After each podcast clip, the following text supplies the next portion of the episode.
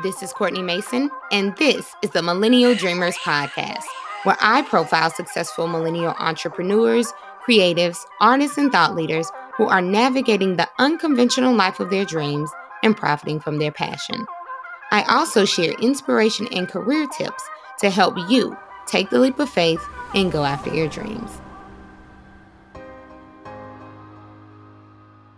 Today on the podcast, we're having a conversation on a topic that I've been wanting to have for quite some time, and that is politics. What's important for millennials to know as we go into our state elections, as we go into the national presidential election in 2020? What are some things that should be on our radar that we may not have paid attention to before or have, but haven't made a concrete decision on? And joining me for that discussion is a very good friend of mine State Representative Edward Ted James. Now, Ted's passion for leadership is driven by a deeply held desire to impact the lives of others while transforming the community that he calls home. That is Baton Rouge, Louisiana. Yes, he is a native of Baton Rouge, where he attended Southern University twice for undergrad as well as for law school. And after he was admitted to the Louisiana bar, Ted began his career working in the office of Governor Kathleen Babineaux Blanco.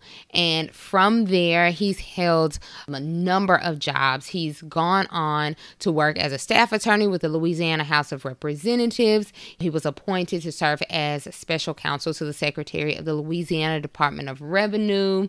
And he was elected in November of 2011 to serve as Louisiana State Representative for District 101. He also has been reelected and he was done so unopposed and will be serving another four years um, for his district. Um, in addition to the work that he does within the community and his legislative duties, Ted's professional work extends to his role as an attorney, an adjunct law professor, and the director of the Baton Rouge office of the Urban League of Louisiana. The list can go on and on, but I'm really excited to have this discussion because here in Louisiana, we have a runoff this Saturday for the governor's race.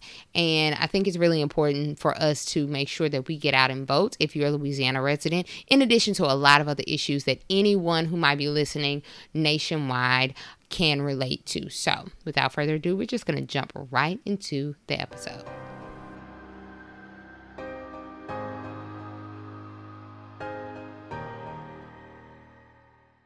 Millennial Dreamers, today on the podcast, we have Louisiana State Representative Edward Ted James. Ted, welcome to the podcast. Hey, Courtney. Thank you. I'm excited about joining. I've been waiting to join for a very long time. we were supposed to have this conversation so long ago, but I feel like it's the perfect timing because of the upcoming election. Um, but I just want full disclosure, everyone to know Ted is a very good friend of mine, and we joke all the time and clown. So this is going to be a fun interview. I'm excited about it, but it also is going to be something that's very informative for millennials. So for those who might not be familiar with you and the work that you do, give them a glimpse into your background. Uh, well, most importantly, I am a two-time graduate of Southern University. I received my undergrad degree in accounting, and like you, I am a graduate of the Southern University Law Center, born and raised in Baton Rouge. Um, I am in private practice with Duran and Cawthorn, and I am a Louisiana State Representative, currently in year eight.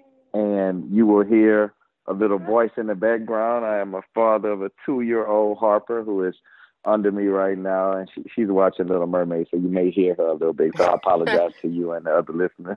No problem. Hey, Harper. I hear her talking in the background. She's like, listen, this is me and my dad's time, so just get with the program. But it's all good. So I don't know if I even asked you this before, but I feel like I probably did at some point. But what made you decide to pursue a career in politics? You know, it's actually a, a very funny story. My parents, well, my dad, uh, he ran for city council before I was born. Um, and my parents just always talked about politics um, amongst their friends. And I remember as a youngster, while all the kids were outside, I was the one that was under the grown ups involved in the conversations about politics. and my I think I was in the second grade. There was a mock presidential election. Um, George Bush was running against Michael Dukakis, and my parents asked me who I voted for at school, and I told them that I voted for George Bush. Now, my parents um, and I are Democrats, so they wanted to know why on earth did I vote for George Bush. And I told them that the other guy, Michael Dukakis, was too short and he didn't look presidential to me. So my parents started to have these conversations with me about um, not just voting. I think too often we tell people go vote, go vote, go vote, but we don't tell people to be an informed voter and to vote um, on issues that are important and to vote for people, not just based on party, but vote for people that, that represent your interests. So for me, um, politics has always been something that my family talked about. And from fourth grade until I graduated law school, I was always, you know, running for something, be a student government, beta club. Um, just always wanted to be um, in a position to serve people. Got it. And you actually spoke on something that I wrote, it's almost like you read my notes because I that's a question that I have about voting your interest because of course this is the Millennial Dreamers podcast and millennials are made up of those born between 1981 and 96 so roughly 23 to 38 years of age and um, what we found or what some data shows is that millennials don't really vote for necessarily Democrats or Republicans in terms of like parties but we vote on issues that are important to us. So, why do you think that is that we kind of, you know, that that's the important thing? Because I think that's important too. We should be voting our interests and not just because, oh, my parents were Republicans or my parents were Democrats. Can you speak a little bit to that and the importance of looking at the issues as opposed to just party lines? I think that it goes to a couple things. Number one, uh, millennials are have a a lot more diversity. And when I say diversity, I mean diversity in experiences from um, schooling. Like our parents grew up in segregated times and they knew that Democrats were the ones who we're supposed to be with. Um, and for our generation, I think that we have so much diversity where we, we don't like labels, right? We like things the way we want them. We can be um, socially conservative but liberal on other things. So we can be pro life, but we think that marijuana should be legalized or mm-hmm. you know we are we think that a government has a role in investing in higher education but we also don't want to pay a lot of taxes uh, so i think that our generation we are somewhat in the middle right we aren't staying in one job for 30 years so we have uh, my more diversity of thought because we change things we we change a lot uh, with our profession and i don't think that uh, politically we don't fit into a box. And I think that that's one of the, the beautiful things about millennials is that we don't fit into a box. You know, we think freely. Mm-hmm. Uh, one of the other problems that I see, um, you know, presidential elections, national elections, millennials are very excited and vote in high numbers. Local elections, we don't see that same level of interest, and I think that it goes to the the reach that these campaigns go out to really reach millennials. The presidential campaign is more than a year away, but we see it every single day. Mm-hmm. Like every day, we're hearing something about the presidential race. Uh, but for these local races, the folks that usually hear about them are those chronic voters. Like you get robocalls. Millennials, we don't have phones at home. Mm-hmm. We only have cell phones, right? Um, we aren't going out there checking the mail every single day, so you aren't getting those mail outs for people, and we get most of our news, unfortunately, from from social media. So we're not picking up the newspaper every day, and we don't we're not reading about the local issues, and, and that's one of the things that I would like to see our generation do a better job at paying more attention to local elections because these are the elections that really matter to our everyday existence. Right. I agree with that. And I noted that some of the issues that are important to millennials are, you know, social issues like immigration and racism, even education and income inequality. But what are a few issues that we should be focusing on, maybe that millennials maybe aren't um, dialed into right now, but are important that we should really uh, zone in on instead of what we're just our, what's already on our radar? I think the most important thing for millennials is women's health and women's reproductive rights. Our generation, we're, we're led by women. There are more women in professional schools. There are more women leading families. So as discussions come up politically, too often they are led by white men and men who don't understand uh, what it is to be a woman. I mean, I am I'm raising a daughter, but there's no way that I understand the thought process that goes into uh, a woman's decision um, and a woman's right to make those decisions about her body. And if millennials are paying attention, this is you know something that is under attack all across the country. I think the second thing when we look at the number of women, just like you, you are in corporate America, you're a corporate attorney. Um, you also are an entrepreneur. When you look at the way that women are paid, the disparities, especially in Louisiana, uh, women are paid about 70 cents on the dollar, and for black women, it's about 58 cents on the dollar. So that is one of the leading issues, especially for millennials as we are moving in various different um, industries. Uh, we are leading families and we are in a lot of positions of power in corporate America. And when I say we, I'm thinking I'm talking about millennials, but if I'm if I'm being honest and frank, you know, even black men, we're taking a backseat to black women. Um, so for millennials, you have to look at uh, pay disparity amongst uh, males and, and, women that same education, um, same background, and doing the same job. Uh, and women have to be uh, paying attention to those things, you know, and males have to pay attention to them too, because we know that too often women are, you know, the head of households in our families. And I think the other thing we have to start looking at how we are um, educating our young people in our colleges um, across the state and across the world because too often we are not educating people for jobs that are attractive to our generation. And that's one of the things, especially here in Louisiana, we are very much a um, oil and gas state. Mm-hmm. And those are not jobs. Those jobs were, were very um, lucrative for our, our, parents, and you know, especially here in, in, where I live in Baton Rouge. To say you worked at Exxon when I was growing up, that was a big thing. Uh, but our generation, you know, we're not trying to go work at a plant forever. Um, so we'd have to look at recruiting industries that are of interest to millennials if we want to get people to stay in Louisiana and actually work and raise a family here. Agreed, agreed. And also here in Louisiana, we have a runoff for the governor's race this Saturday. What would you tell a Louisiana resident? Because I'm I decided I was going to go out and early vote and make sure that my voice was heard. But for anyone who didn't have a chance to early vote or who's still kind of contemplating what they should do, what someone what is something that you would tell someone who hasn't cast their vote yet uh, for the election that's coming up this Saturday? No, number one, I would tell you that this election is more important than the presidential election because this election is about us. It's our state. Uh, there are decisions that will be made uh, by the next governor that directly impact us.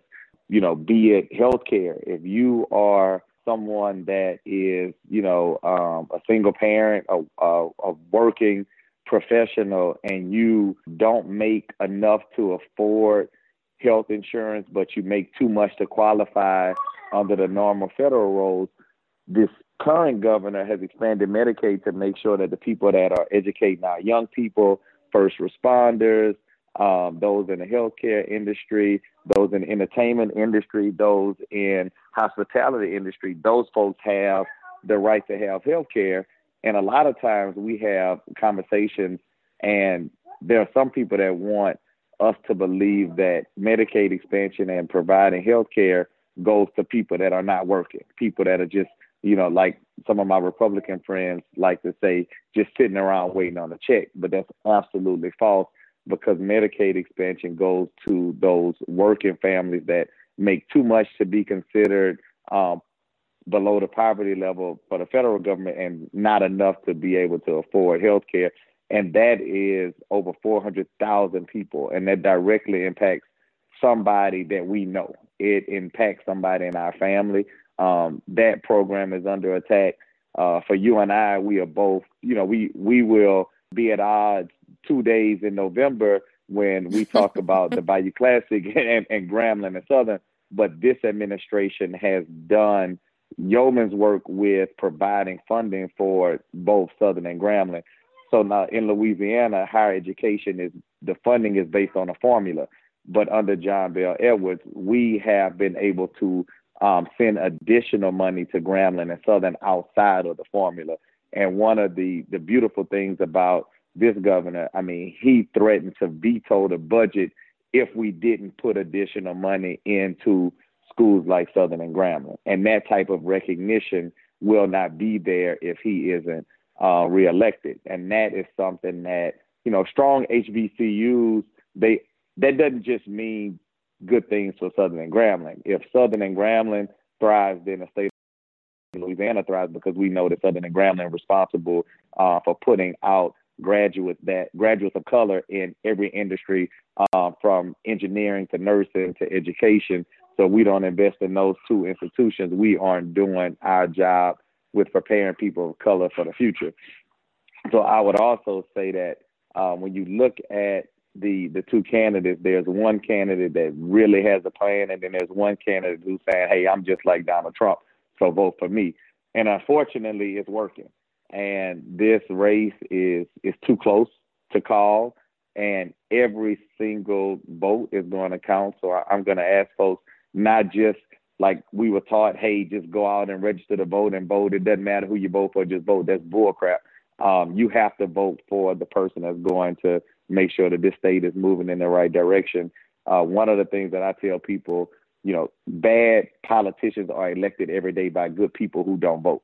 So it's incumbent upon us not to be one of those good people that stays at home. And mm-hmm. I know mm-hmm. for you know southern southern folks, Southern plays Jackson State, and while that's a, a two-hour drive, there are too many people that I know who are going to be going to Jackson, Mississippi on Saturday. So I'm hoping that those folks either early voted like you did or are going to stop off and vote on Saturday before they drive to Jackson.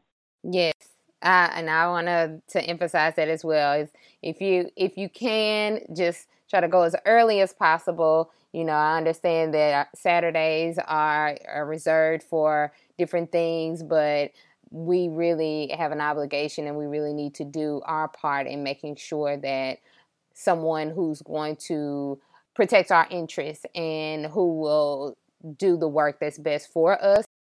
It's important that we know what we're voting for, the issues that they stand for, and if there is someone, which there is, you know, there's a candidate that's saying, I'm like the occupant of the White House and has his full, and I'm just going to say the occupant of the White House um, has his full support, then that that says something and not in the best way. So please go out and vote this Saturday if you have not already done so. It is so very important that we go out and voice our vote. Um, but even taking a step past the state election, like you mentioned earlier, the 2020 presidential election is a year away, um, and we hear about it every day. And you have essentially put your support squarely behind Senator Kamala Harris. So um, I want to know what about Senator Harris and her campaign made you stand in support with her as she vies for the country's highest office?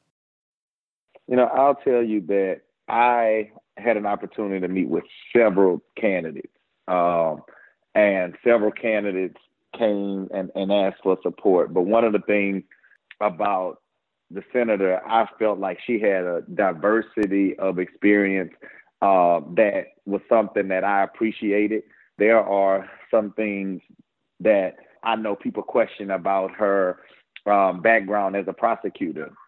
And the ironic thing for me is someone who practices criminal law, you have to be able to show some type of knowledge of a system to be able to go in and reform it. Mm-hmm. And for her, the first thing I asked her was, you know, how are you going to overcome it? And she was very honest. She said, well, you know, I was a prosecutor 20 years ago, and the criminal justice system has changed. And, and who but me to go out there and, and fight for the changes because I know from being on both sides. Um, and then the other thing, Courtney, I'll be honest with you, who am I not to support the one black woman in the race? right? For me, as I'm looking at my daughter now, um, I feel like I would be doing an injustice not to support the one black woman in a race, the one HBCU grad in a race. And then the other thing, you know, a lot of times you hear about people running for president and, you know, they, they may send a, a robocall or they may send a surrogate to Louisiana because Louisiana is not a battleground state. We only have 70 electoral votes. This woman has been here four times already. Mm-hmm. And, and our primary isn't until April. Um, and when I spoke to her, she talked about, you know, I'm going to spend time in Louisiana. I'm going to make sure that I'm doing my part to ask for your vote. And that's one thing that I appreciated. There are some people, especially Democrats, and I'm a Democrat too. A lot of times, Democrats just expect us to vote for them just because they're Democrats, and they don't want to work for it. Right. Uh, so for me, the senator was very intentional about saying that she wanted to earn the votes not just here in Louisiana, but across the country. Um, that inspired me. And um, quite frankly, I love her approach um, to making sure that we are more realistic. There are some candidates out there that are saying some, some great things, but they aren't realistic about their, their chances, right? Um, in order for some of the things to happen, we're going to have some drastic movement in the United States Congress, particularly in the Senate. Um, I think that Senator Harris's ideas are common sense and they have a, a huge likelihood of passing and they aren't these pie in the sky ideas um, that I know being someone that's in the system that's never going to happen. And that's that's not to, you know, disparage any of the other candidates, but for me, my decision was, was based on who was putting forth some realistic proposals. But let me say this, if the senator is not the nominee, then um, I am going to work equally as hard as I'm working for her because too often I keep hearing people say, "Oh, which one? She can't beat Donald Trump because she's a, she's a black woman and the country isn't ready for a minority. We had Barack Obama. We need to, you know, let folks get back to normal, and we just need to go with a white man. And I, I just don't buy it because if we do what we're supposed to do, and if everybody who's registered to vote, and if everyone who's disgusted by what's going on in the White House now, um, if they get out there and vote, then anybody on the Democratic side can win mm-hmm. if we decided to do the right thing. So I do not d- subscribe to that notion that it has to be a white man to be the white man if we do our part. Right.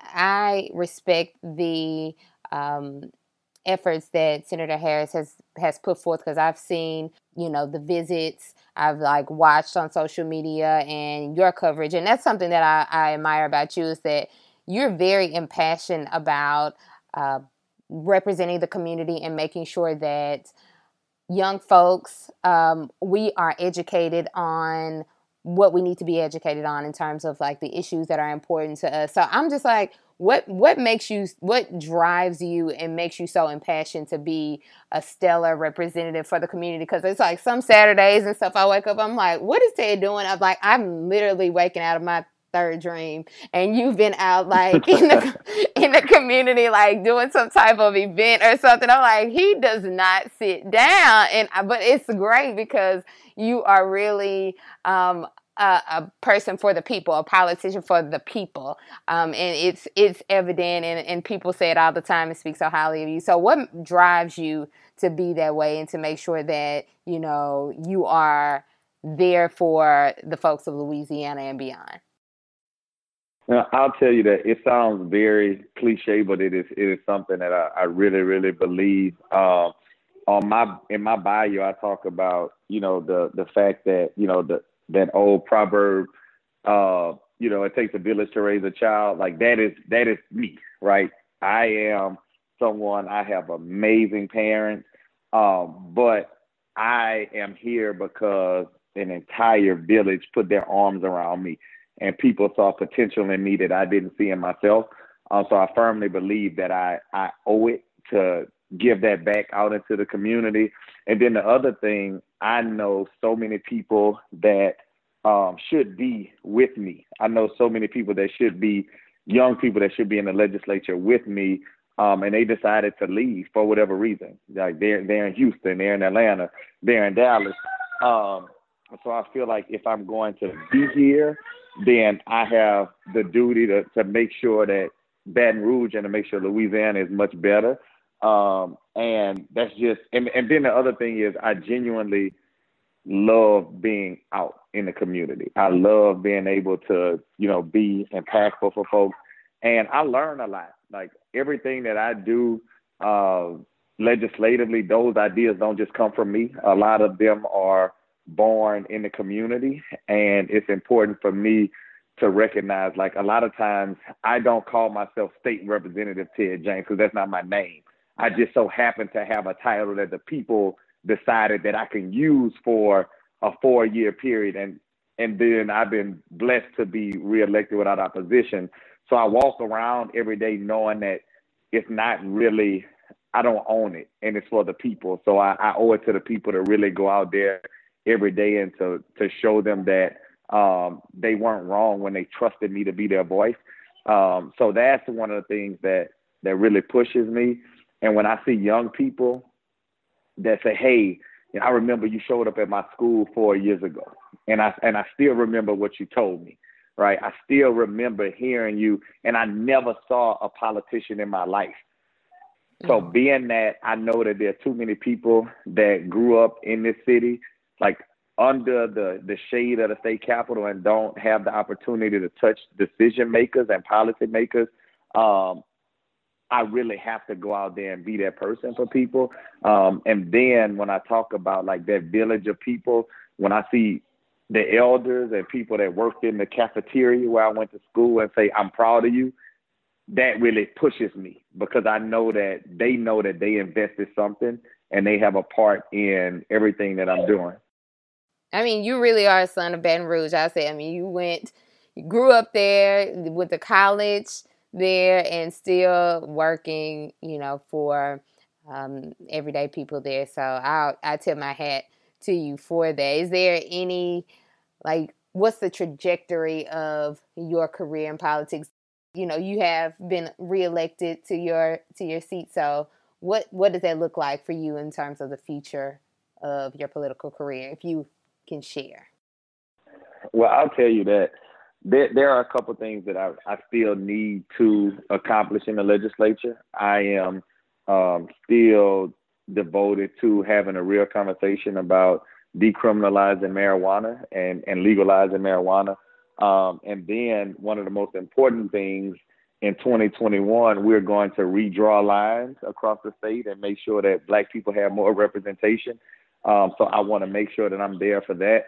Um, but but what's next is really going to de- depend on a couple things. I of course um, would love to continue to do what I'm doing on another level, be it DC, be it parish wide, be it statewide.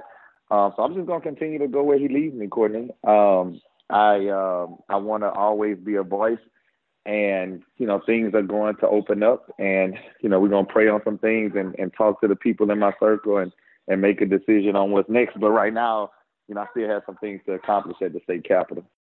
Got it, got it. And I know Harper is like, Courtney, I want my dad back. I'm trying to give you some time, but wrap it up. so my last one of my last questions is how will you feel about getting your behinds handed to you in the Bayou Classic this year? Because I, I, mean, I feel well, like that's just inevitable, and I want to know, like, you know, before it gets here, how you feel about it. Well, I'll tell you, I still have the uh, memory of you and your friends last year standing in the suite after we beat you guys. So if we are successful um, this year, um, I will still just live in that memory of the three of you on last year.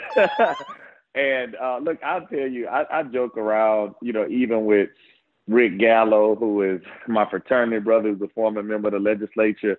Um, Grambling State, you guys are doing some phenomenal things. I still, I don't even like Beyonce no more because of y'all. Ah! Right? I'm still, I'm still in my feeling. I don't like Beyonce, and I'm never buying another pair of Adidas. We uh, know that's but, a lie, you know, but okay. I look, Courtney. It is um, you know, one of my favorite weekends, uh, always to, you know, be around just both, you know, the Southern and, and Grambling families. And it's always sweeter when we win. But, you know, if we lose, I'll be okay because I know at the end of the day we won't lose halftime. Mm, now, see, you're delusional, but I can understand it because, hey, we are both diehard fans of our alma maters, um, undergrad alma maters, because I am a graduate of Southern University Law Center. I, you know, hey, I have love for Southern in some capacity, but my heart bleeds black and gold. So I'm looking forward to it because it's always a good time to reconnect and get some laughs in. So I'm looking forward to it. But um, where can our listeners find you on all things social if they want to follow you and, and any advice you might have for voters and just keeping abreast of all things politics? Well, I'll tell you on Instagram and Twitter at Edward Ted James. I'm on Facebook um, backslash Ted James number nine. Um, I will tell young people to not be intimidated by the process. Uh, a lot of times I hear from people and they are intimidated to really get involved. Um, and you do not have to be elected to get involved. Um, your voice matters, just like you would, um, you know, approach something. I talk to talk to people all the time. Oh, you guys are so hard to find. I don't know how to find the person that represents me. But I tell people if you move to a new city and you needed to get your nails done or you needed to find the best Mexican restaurant, you're gonna Google, you're gonna get on Yelp, mm-hmm. you're gonna uh, go to your uh, social media and put in a location and find what's best in the area. And we have to be that um, intentional about politics and about making sure that we can connect with people that represent our voices. So I will tell people, like, get involved stay involved, reach out to people, speak your mind because I am empowered to make decisions that impact every aspect of your life. And it's important that I hear from you before, during, and after I make those decisions, especially for young people. So just get involved any way that you can.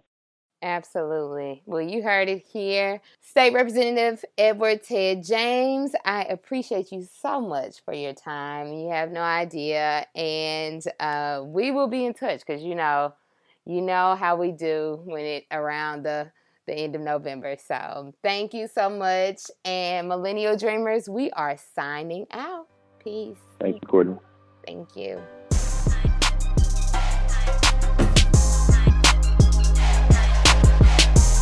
Thanks for listening to this week's episode. But before you leave, hit the subscribe button and leave a comment. We want to know what you think about the episodes that you've heard so far. Let us know by subscribing and leaving a comment. And again, thank you for tuning in. We'll talk soon. Peace.